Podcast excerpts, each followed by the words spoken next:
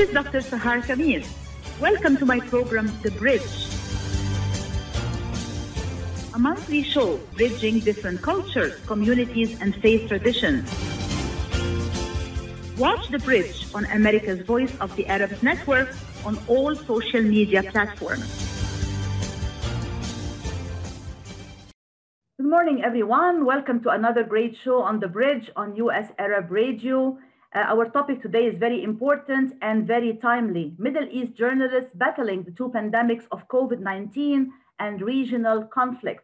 And our program today is going to consist of two parts with two great guests. Our first part is going to be with Tunisian journalist Ines El Mathlouthi, and we're going to be talking about some of the challenges facing journalists in the region and in her home country, Tunisia, as a result of the COVID 19 pandemic. And of course, we're going to focus on some gender related issues pertaining to women journalists in particular and the effect of the COVID 19 pandemic on them. And in the second part of the program, we're going to have from the Committee to Protect Journalists, Mr. Ignacio Delgado, who's going to talk about the regional conflict, especially, of course, the recent Gaza attack and how it has impacted the, uh, you know, the effectiveness and also the protection and the safety of journalists working in this region. But let me first start with our first guest this morning, Ms. Ines El Mathlouthi. Ines, thank you so much for joining us on the bridge on US Arab Radio. Welcome to the show. Thank you, Ms. Sahar. Thank you for the invitation. I'm very, very uh, happy and proud to be part of your show. Thank you so much. Thanks. So let's start first by giving like a general overview, right? An overall picture about the, uh, the effect of COVID-19 on journalists in the Arab region at large. How do you perceive this kind of impact or effect on the performance of journalists in the region as a whole, in the Arab region? Yes, so the Arab world uh, journalists faced like an economic crisis and a health crisis. And let's start with the printed press because it was really, really hit by the, uh, the two crises. Uh, they were asked to freeze printing, uh, uh, printing newspapers for fear of uh, spreading the virus. And since there was no financial support for most of them, you know, some countries give financial reports and aid packages like Morocco or uh, other countries, but mainly uh, uh many countries uh, did not give uh, uh, financial support to these newspapers. And, and for that, many lost their jobs, you know, journalists lost their jobs, or they, they, so they were subjected to a wage cut by 20% or 50%. And some newspapers even closed down you know, in Tunisia or in other countries. And I'm, I'm pretty sure that uh, all, news, all newspapers were really, really badly affected by the uh, health crisis and the economic crisis, uh, um, you know, after the COVID-19. And uh, uh, freelancers, uh, everybody knows that, you know, most journalists are freelancers and the freelancers, they lost their income and job opportunities since everything is related to COVID-19 and many countries were uh, under lockdown for like several months. They were not able to uh, get a job or to do a report or a package for a radio or a TV channel. Since the restriction were mainly focused on freelancers, uh, they do not have a pass or a, um, um, you know, like a pass from uh, official pass to, uh, to be around a curfew or lockdown. Uh, for various reasons, of course uh, mainly because the freelancers, they do not have the uh, adequate equipment to work safely uh, during the lockdown or in hospitals, for example, or in uh, quarantine centers. Um, they could not perform their duties, of course, and for that, they suffered from anxiety and depression. And I have many colleagues who suffered, you know, from depression because, you know, I have one friend who has to move out from Tunis to um, his hometown because he could not pay the rent he has no money and he cannot pay the rent. So this is one case of many cases. And I have many friends that are all over the world, you know, Arabic world, and they, they, they, they all talk about the same problem. So from, I don't know, from the Middle East to the North African countries, they all have the same problem. Uh, for the private sector, I believe the private sector also was very severely hit by the COVID-19 situation since the government did not uh, give them aid packages or you know financial support to um, to pay the um, uh, you know uh, social security uh, funds or to pay the wages. And it's it's it's very vulnerable. This, this sector is very uh, vulnerable. So um, um, i'm going to talk about the global survey uh, conducted by the international federation of journalists.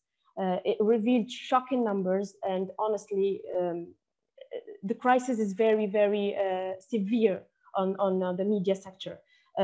journalists were assaulted Uh, for covering the topics related to uh, COVID-19. Uh, especially uh, on a social and an economic level. Uh, for example, in Jordan, uh, authorities arrested both the director and the news director of Ruya channel, it's a private channel, because they, they aired a report that showed, you know, workers who work day-to-day -day, jobs, you know, small jobs like cleaning or I don't know, um, collecting plastic bottles or something like that. So they wanted to show the impact of COVID-19 on these people and how they are suffering to be, um, you know, to die from hunger. Um, so they were uh, arrested uh, based on this report.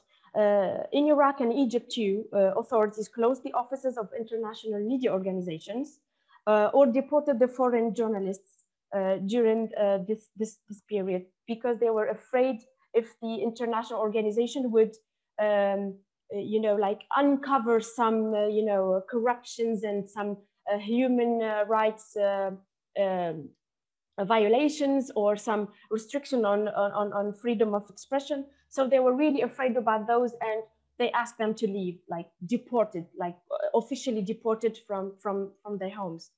Um, and during the remote work model uh, it didn't work for journalists because we are not coded for this kind of work. I mean, this is this is an unprecedented event, and our governments and you know the, the media sector was not ready for for this kind of things and, and, and didn't have a plan uh, for it. So journalists found themselves facing psychological and professional pressure uh, to adapt to this model.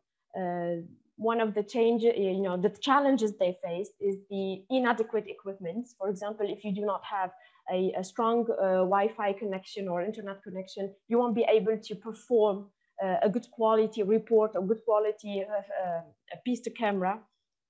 And uh, for example, the, the weak data protection system, uh, they could be easily hacked and they, they could lose everything. Um, and the balance, of course, between the private and professional life was, you know, unbalanced. Um, since you know a journalist works from home, he won't be able to uh, concentrate and focus on his job, and his family is with him. And you know, uh, during lockdown, everyone is in, in in one place, so it's like crowded. And this is it's the same situation between all countries. Honestly, if you if I talked with all my colleagues, and this is the same problem. Um, we are facing the same problem and let's not forget the risk of getting infected uh, or facing death. Uh, it was not documented, like uh, officially documented, but I believe uh, everyone knows about the uh, Egyptian uh, journalist, Mohammed Munir. he died after being arrested. So he got the infection while being arrested, and then he died several days after being released. And this is the official version of it. So um, we all face the same problem in the Middle East, North African countries. We all face the same problem, and we all faced, you know, um, problems and restrictions and violence and attacks, and uh, it's it's a very very um, hard situation to to be living in. It's like a conflict. The COVID nineteen is, is is a war.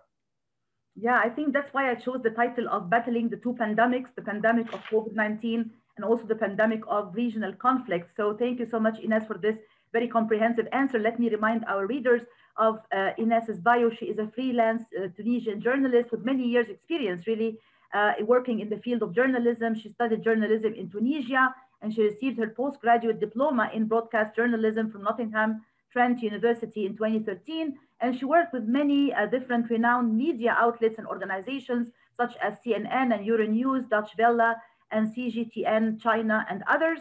And she is uh, also very fluent in uh, Arabic, English, and French. So uh, Ines, we're really pleased to have you and thank you for this comprehensive uh, answer.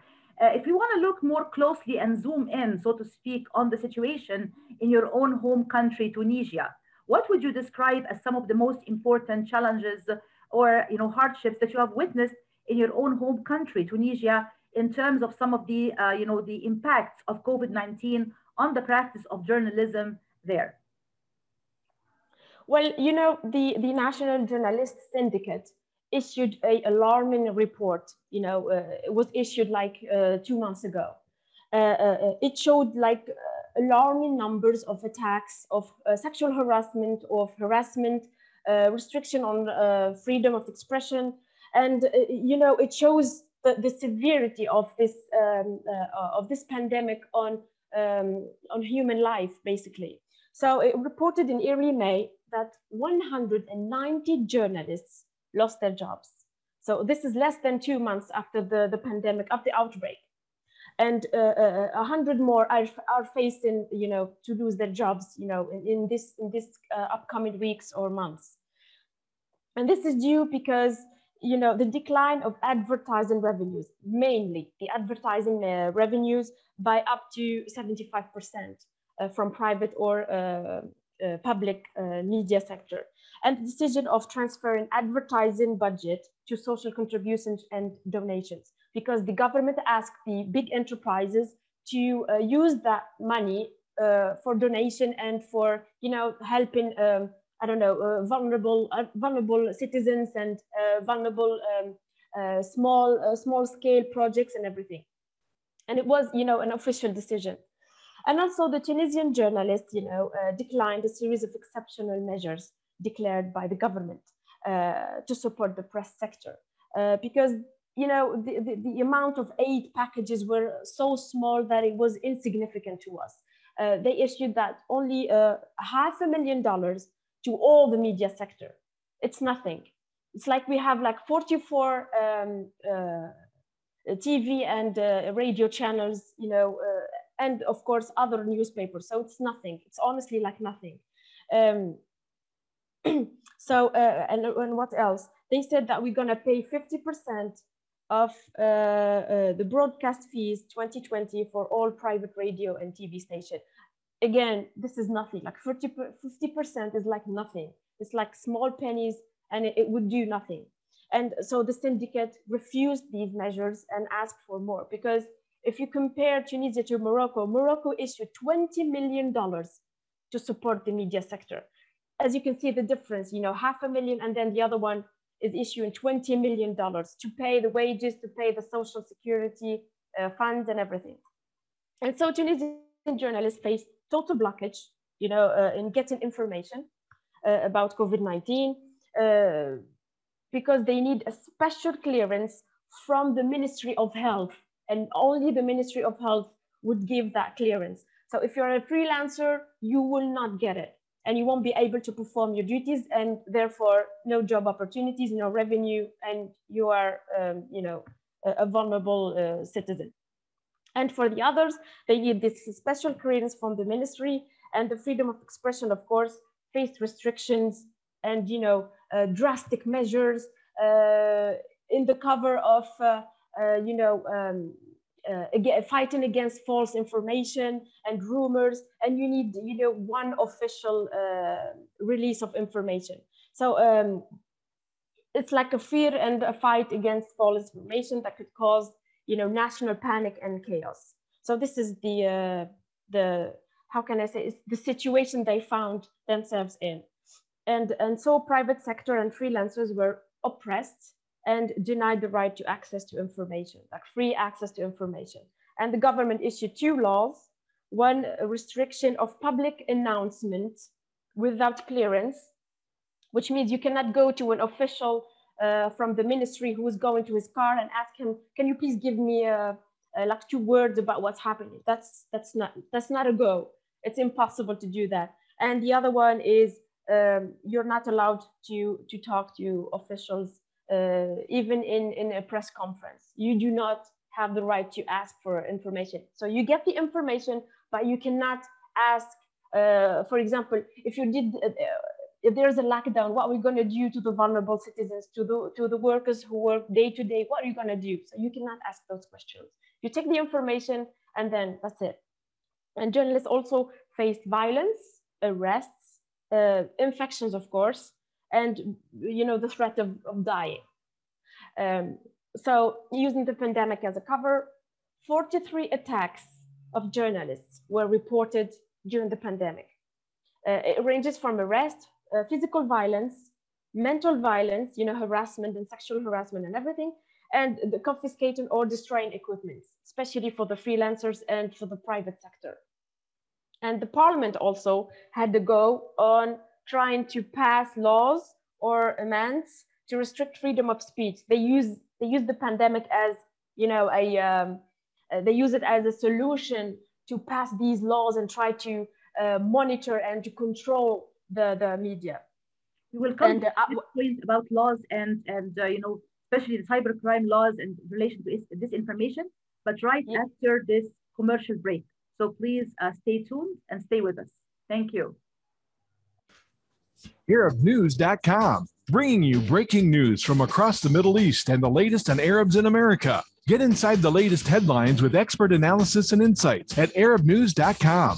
Join over 5 million Facebook fans and over 10 million monthly readers. ArabNews.com, news that matters to you. While we've been staying safe at home, scientists have been on a journey. The destination? A COVID 19 vaccine. This journey began decades ago with research into other coronaviruses.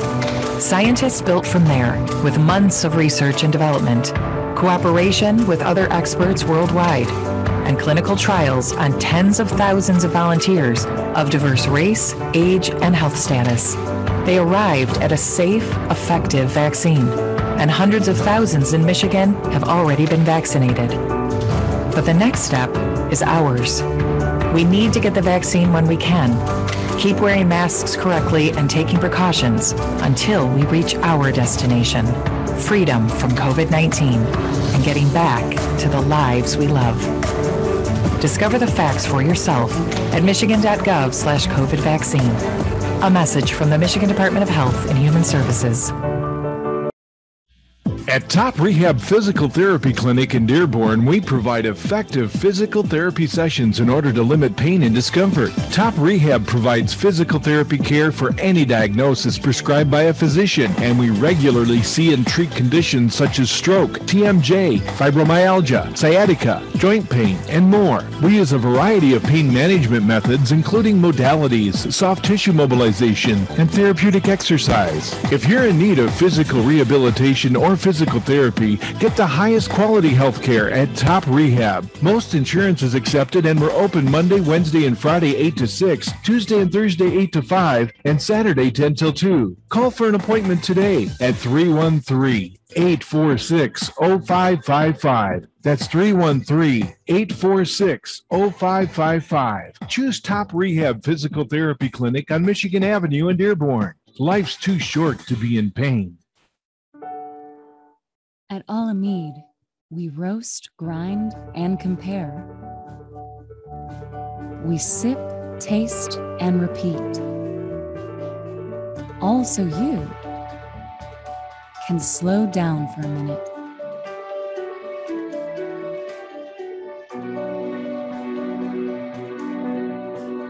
Alamede Coffee. It's more than just a cup of coffee.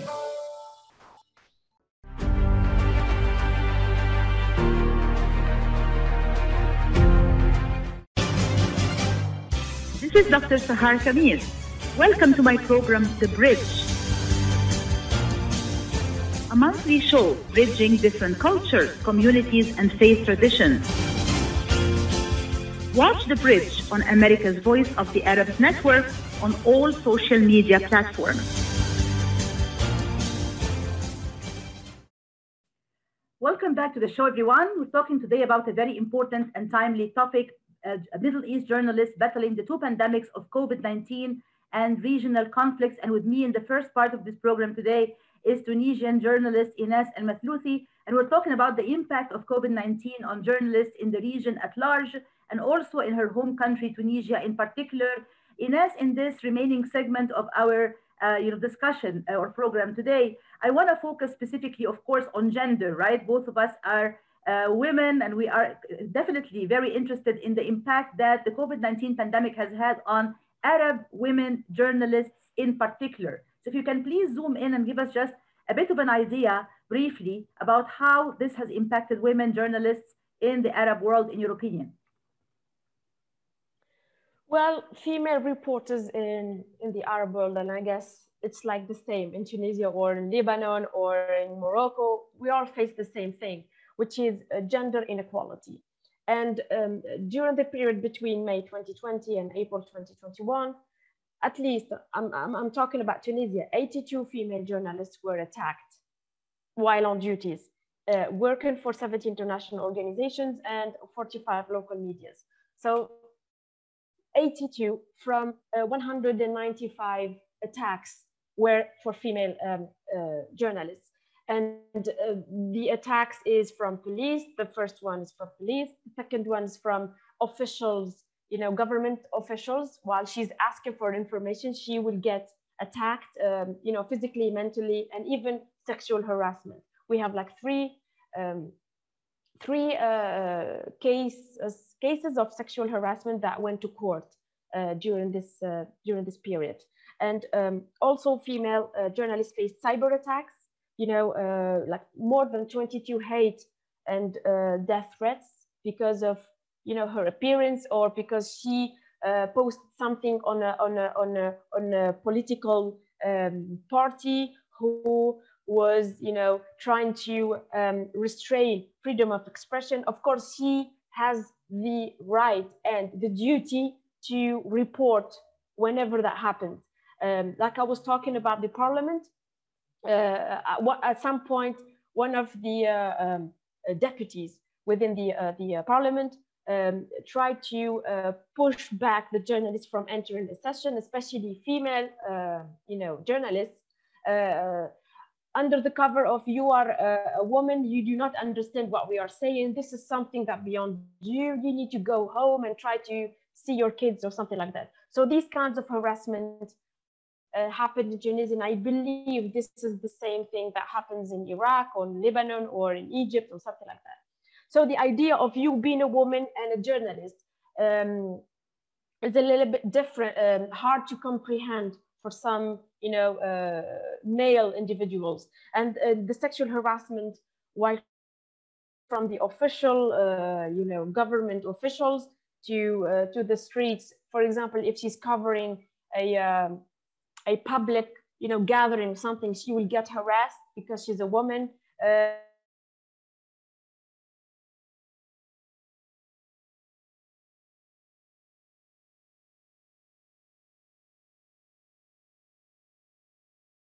two deputies or two um, followers of a certain uh, party and she nearly lost her, her baby and this was uh, a public event and these these these are happening you know frequently. And under the cover of the health crisis they faced uh, they faced segregation based on gender. Uh, they lost their jobs. So uh, when there's um, a director of a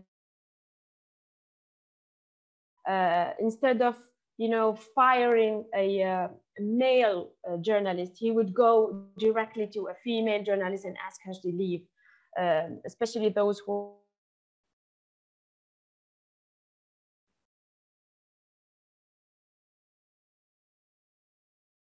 because he thinks he's she's not worth it or something like that. So they faced intimidations in workplace, you know, uh, from colleagues and from you know supervisors. They faced harassment. They faced violence, all kinds of violations of human rights, of any kinds of rights.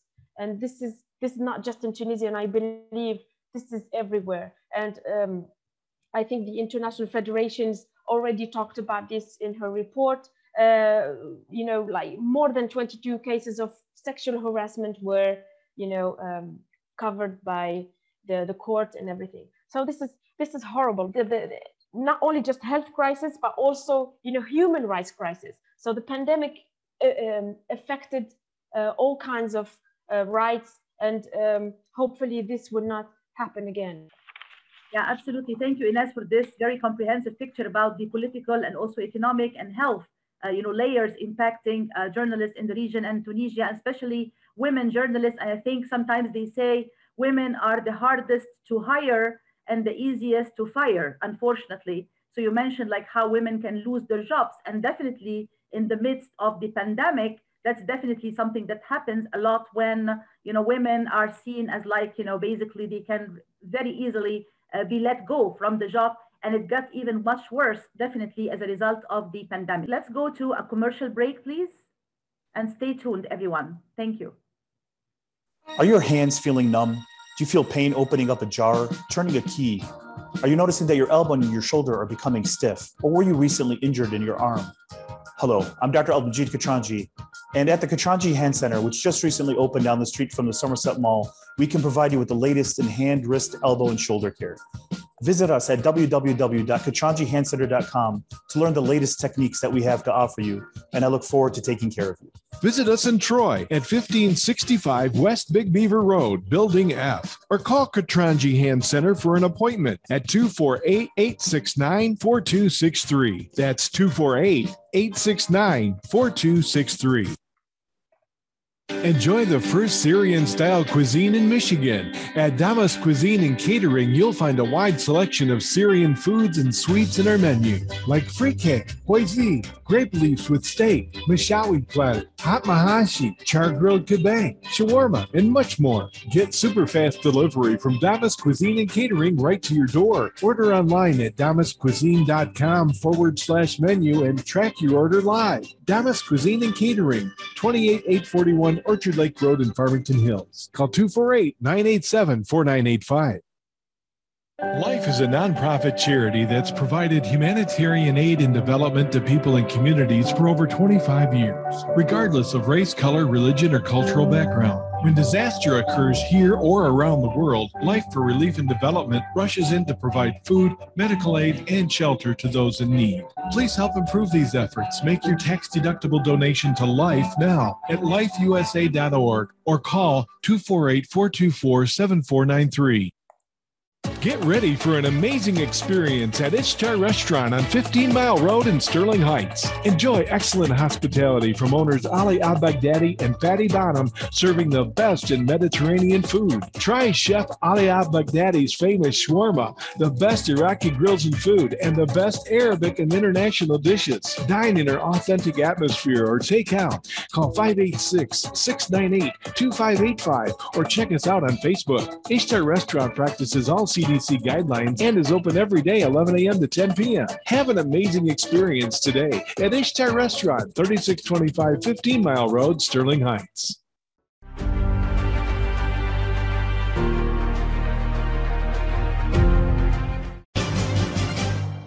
This is Dr. Sahar Khamis.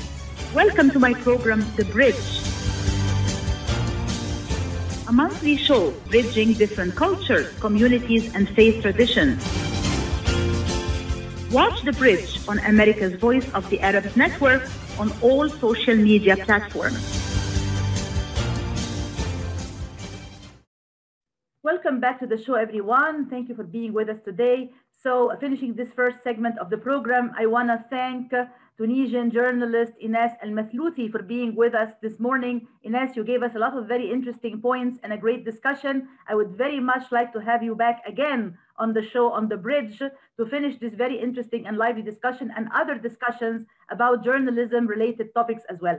Thank you, Ines, and have a great day. Thank you. Thank you very much, uh, Dr. Sahar. Thank you very much for having me on your show. I'm very sorry about the internet connection.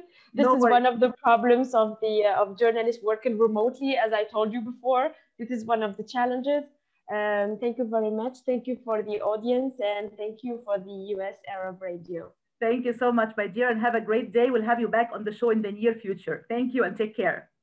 Thank you. Goodbye. Thank you. And for the second part of our show today, I would like to welcome on the show Mr. Ignacio Delgado, who is the Middle East and North Africa, the MENA region representative at the Committee to Protect Journalists. He worked as a freelance journalist in the Middle East for many years, writing as a freelance journalist for different outlets and different publications in Belgium, in Romania, Spain, and the US, and also uh, writing specifically on issues related to civil society, democratization, and human rights issues. Before joining the Committee to Protect Journalists in 2017, he served as a media analyst for the Open Source Center's Europe Bureau for nine years. He holds a master's degree in journalism from Spain, and he speaks five different languages. So let's welcome to the show Mr. Ignacio Delgado. Hi, thank you very much, Sahar, for having us today. It's a pleasure to be here. Thank you for joining us, Ignacio. I really appreciate it.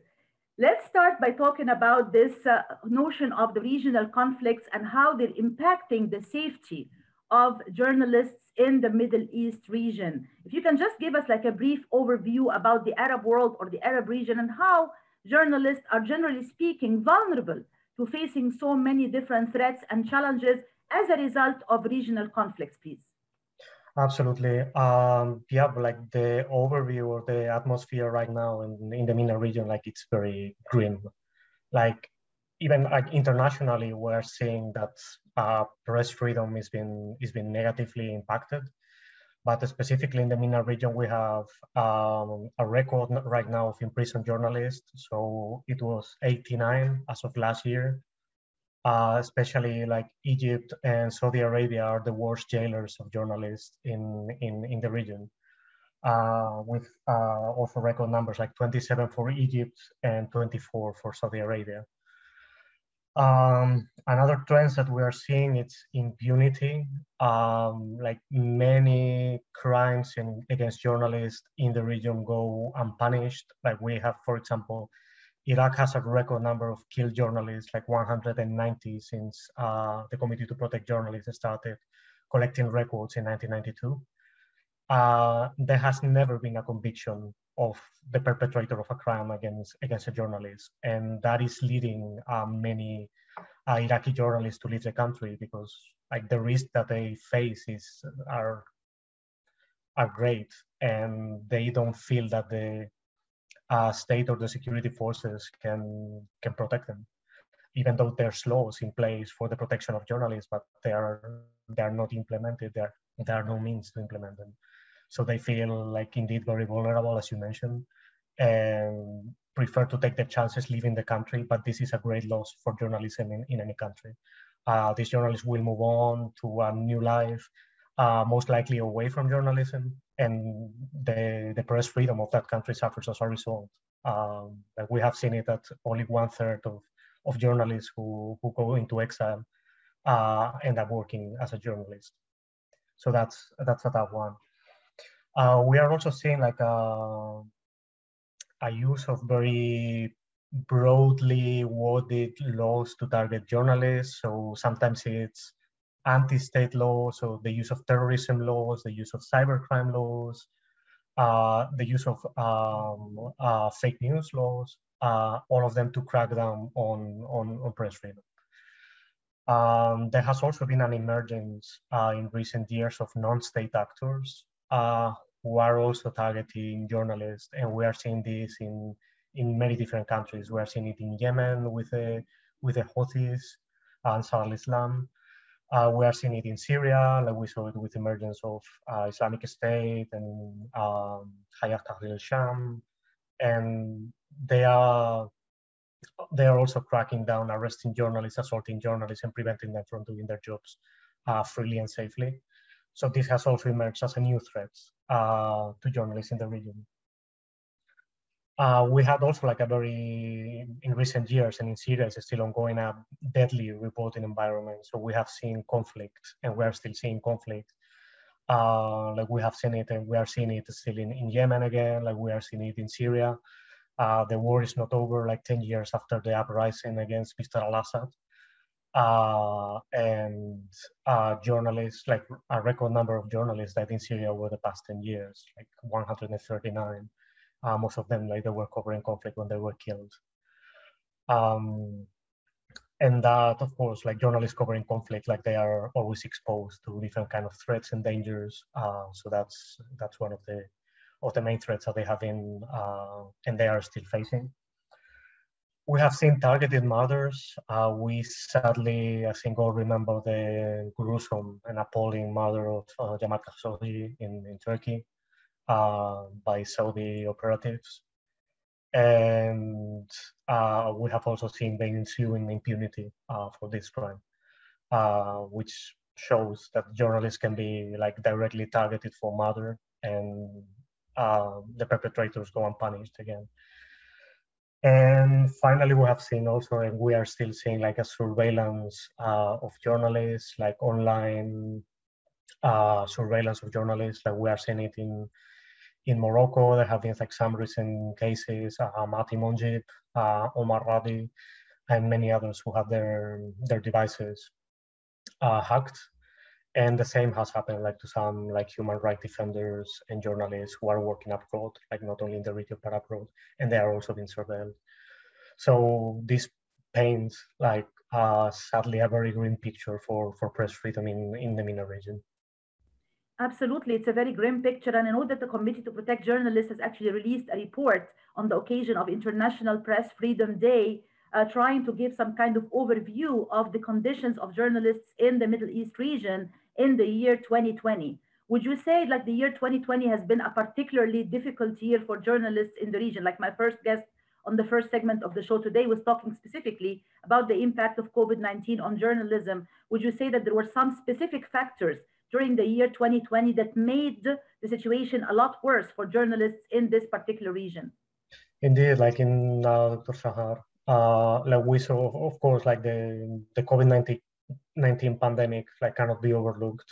Uh, that meant a lot of restrictions uh, of movement, but even journalists who were like licensed by their governments to continue to do their jobs uh, faced uh, difficulties like reporting on the ground, like security forces prevented them from covering. Sometimes they were assaulted.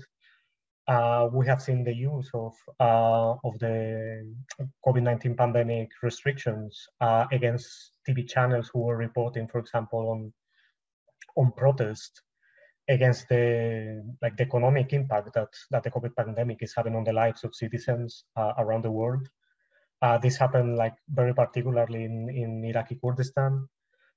We saw that a broadcaster, NRT, that was consistently targeted uh, through lawsuits from different government branches. We saw the closure of their offices and the reasoning by the authorities for these, for these attacks and this harassment was that they were violating COVID-19 restriction laws uh, when in fact they were reporting on matters of public interest, like people were being impacted by by the pandemic, so they were just showing what was going on.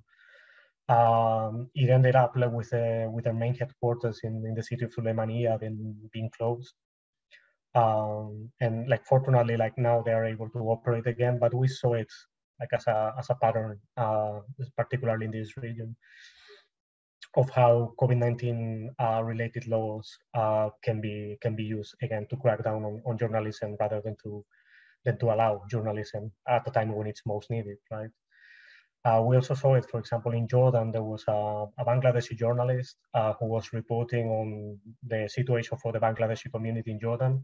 Like most uh, Bangladeshi citizens in, in Jordan, like our, our, our workers and of course like the closure of companies the the restrictions like they couldn't work as a result of that uh, so this journalist was eventually arrested and then deported uh, to bangladesh for reporting on, on this again like under the justification that he was uh, violating uh, covid-19 restrictions. So this is a pattern i think that we see in the MENA region more often than, than we would like to uh, of having laws that are allegedly, um, I don't know, targeting cybercrime or, or other sort of crime, anti-state, counterterrorism, and they always find a way to make the laws very broadly defined so that anything can fit into, into the definition of that law. So it can be used to target journalists, it can be used to target uh, human rights defenders, uh, civil society organizations, activists, media. So it's it's it, it was sadly like um, the case of of, of COVID nineteen. Like again, one more example. Absolutely. So it's just one layer on top of the other. You have the political, the economic, the social. You have the uh, the regional conflicts. You have also the cybercrime laws, which is a very important point. Like under the mantle or the disguise of fighting misinformation and disinformation, the governments designed these very broad laws, like you just mentioned, to crack down on journalists and on pre, uh, freedom of the press. We'll come back to this very interesting discussion with a focus specifically on the recent, uh, the recent Gaza attack and the effect on journalists as a result of it, right after this commercial break. Stay tuned, please. Are you going to start a restaurant or a grocery store soon? Do you need floor plans and designs? Call Najee Abood at 734 744 9796. Do you want to buy kitchen and restaurant equipment at discount prices? Call Najee Abood now, 734 744 9796. New Concept Products and Design, the trademark of kitchen equipment. 5% discount on all purchases of $75,000 or more. New Concept Products and Design, new location, 31 185 Schoolcraft in Livonia. Learn more at www.newconceptproducts.com. Call Najee Abood 734 744 9796. Kashat's Mediterranean Market in Shish Kebab offers a great array of your favorite Mediterranean meals. Meals range from lamb specialties, shawarma sandwiches, and seafood dinners. Plus, they offer big trays of your favorite food and so much more. Kashat's Mediterranean Market in Shish Kebab is located at 32839 Northwestern Highway in Farmington Hills and is open from 9 a.m. to 9 p.m. So stop in or call Kashat's today at 248 538 9552. That number again, 248 538 9552. Kashat's Mediterranean Market in Shish Kebab will definitely leave you satisfied. When you're looking for the best in optical care, Dr. Imad Nakash is your doctor to see. With years of experience and thousands of successful procedures performed, you can trust your eyes to Dr. Imad Nakash. See Dr. Imad Nakash and his professional staff for your eye care needs. There's two locations to serve you. In Hazel Park, call 248 336 3937. 248 336 3937. In Rochester Hills, call 248 299 3937. That's 248 299 3937.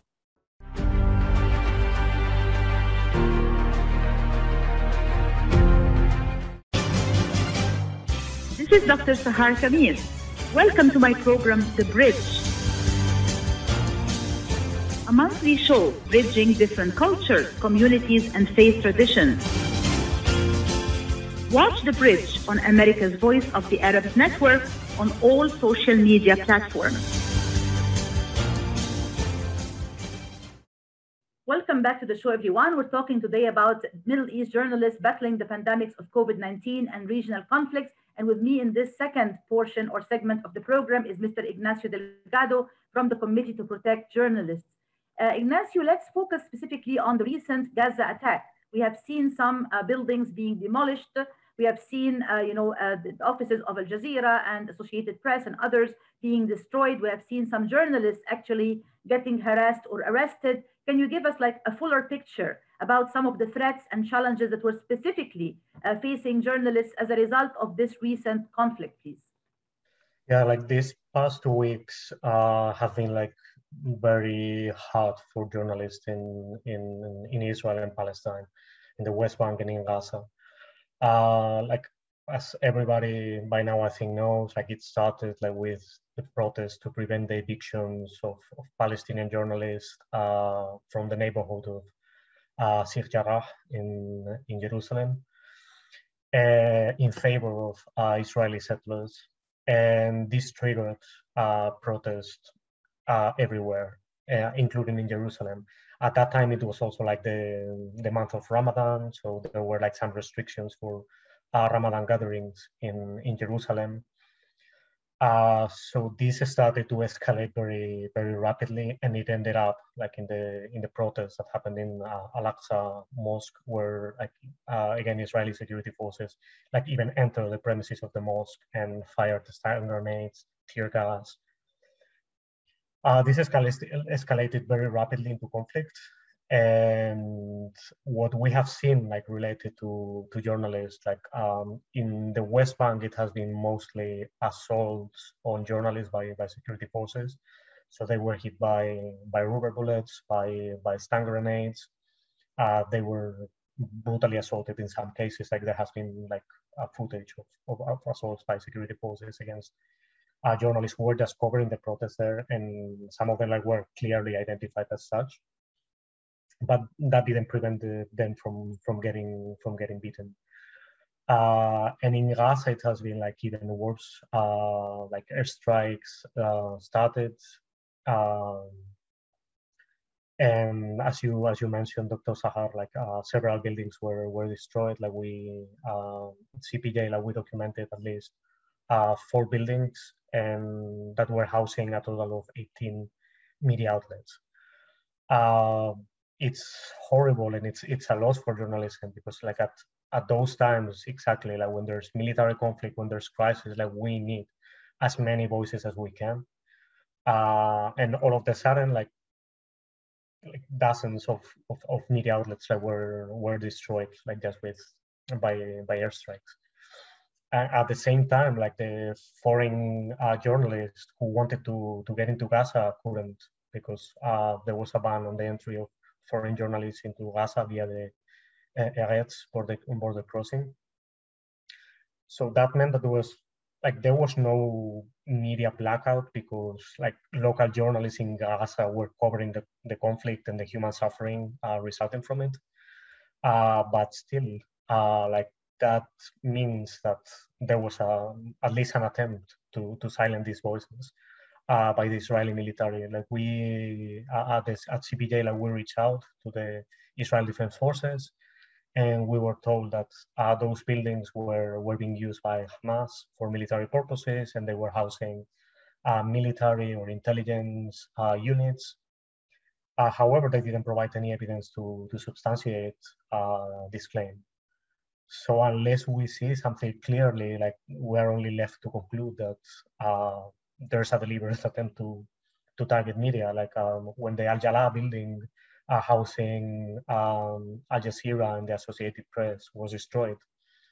Uh, AP uh, and Al Jazeera said like, we have no indication there's a Hamas presence here. We know everybody in the building. It's a residential building. Like we know the families. We have never seen a Hamas presence.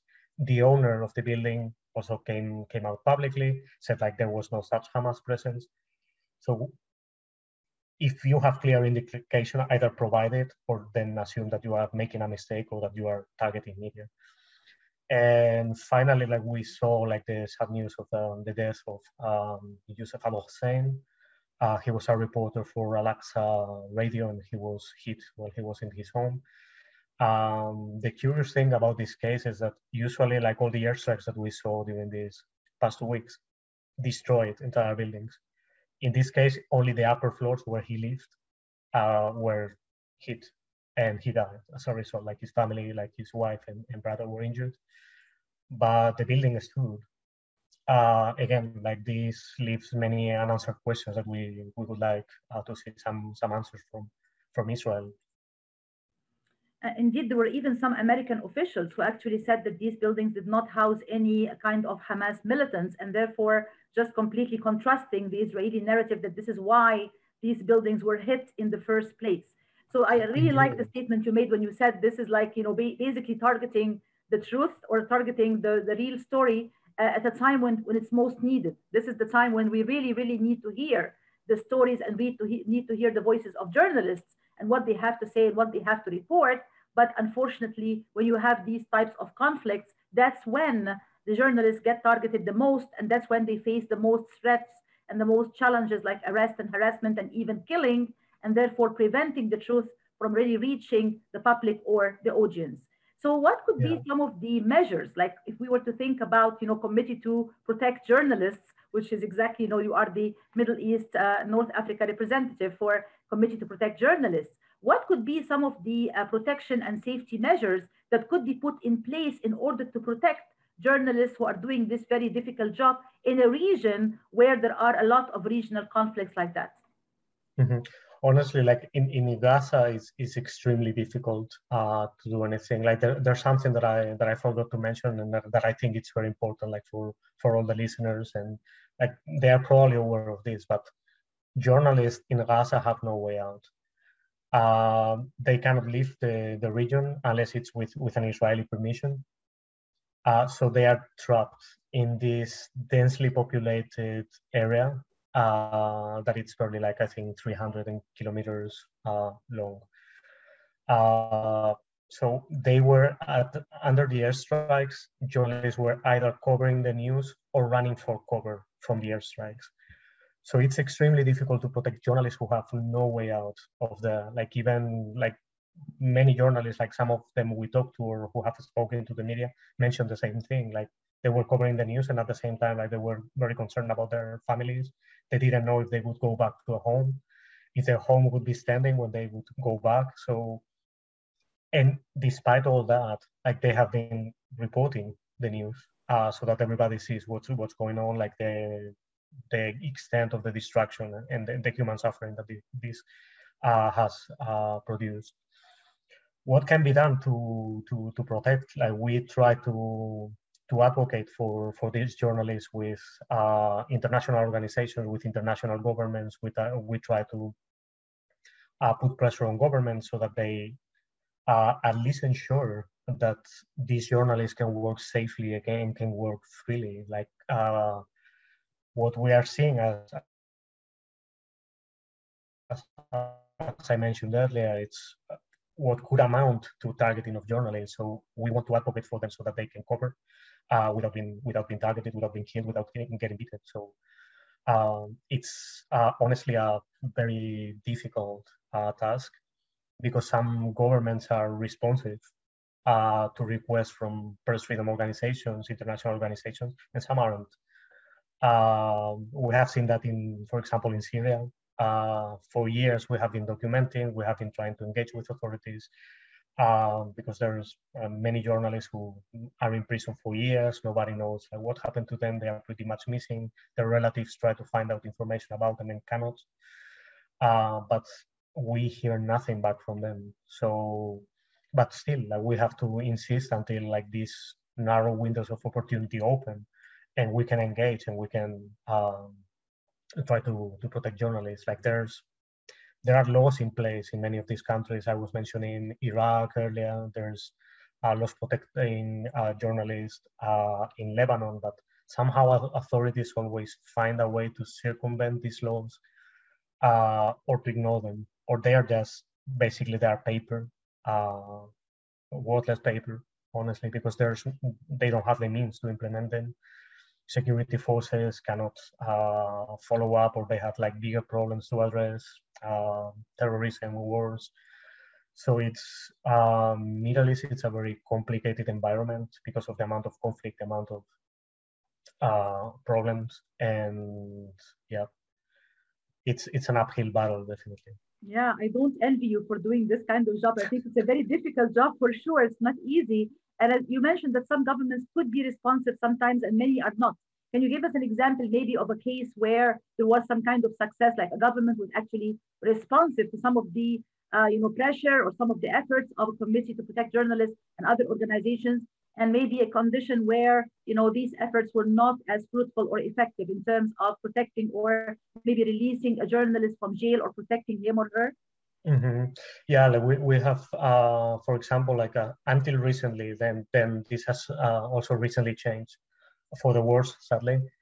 Um, Iraqi Kurdistan used to be like responsive uh, to requests from media groups. They were always willing to engage in some sort of dialogue.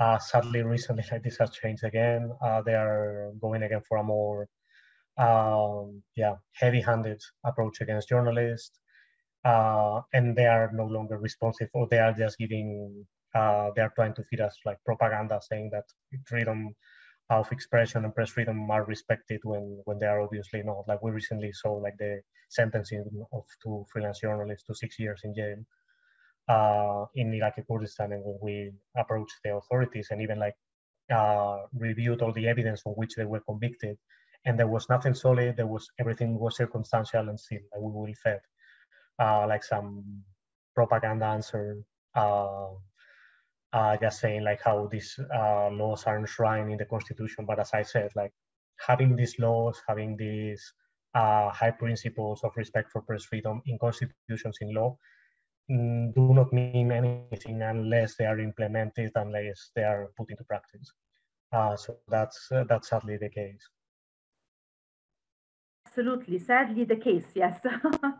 I'm afraid that you know we're running out of time you know i really hope and pray that you know things are going to get better for journalists in this very important this very vulnerable and volatile region right? The middle east region with everything that's going on now and all the regional conflicts and pressures and tensions, definitely there is a need for the kind of work that you are doing at the Committee to Protect Journalists more than ever before. And if you just end with one, like one sentence or one phrase of, maybe some kind of advice that you would give to journalists working in the region, because we only have like less than two minutes now to end the show, just very briefly, what would be your golden piece of advice to a journalist doing work in this very, uh, you know, volatile and very vulnerable region? What would you say? Yeah, I would say stay safe, which is which is very hard these days. But honestly, like I, I only have like the utmost respect for journalists in the region because I know like the dangers and the risks that they're facing. And yet, in a very poorly paid uh, line of business, like they still insist on doing their job. They still insist on reporting the important issues. Uh, so yeah, um, I would say uh, get safe digitally if you can. Uh, like lately, we're seeing a lot of uh, surveillance, and I think like governments around the world and, and in the region, like they are getting the software and the capabilities to to monitor la larger segments of the population, uh, so that you can keep your your sources confidential because that's essential for for any journalist. So that that would be like one piece of advice. I would have many others. Absolutely. This is a very important and very golden piece of advice, especially now in the age of cyberspace and digital communication. It's very, very important for everyone, but especially for journalists to keep the information safe and to keep everyone else safe as well in this important region. Thank you so much, Ignacio, for being with us today. I really enjoyed the discussion. And thanks so much to all our listeners and viewers everywhere. Take care and stay safe. Thank you. Thank you, Dr. Sahar. A pleasure being here. So Thank you. It's a pleasure. Thank you, everyone. Thank you, everyone.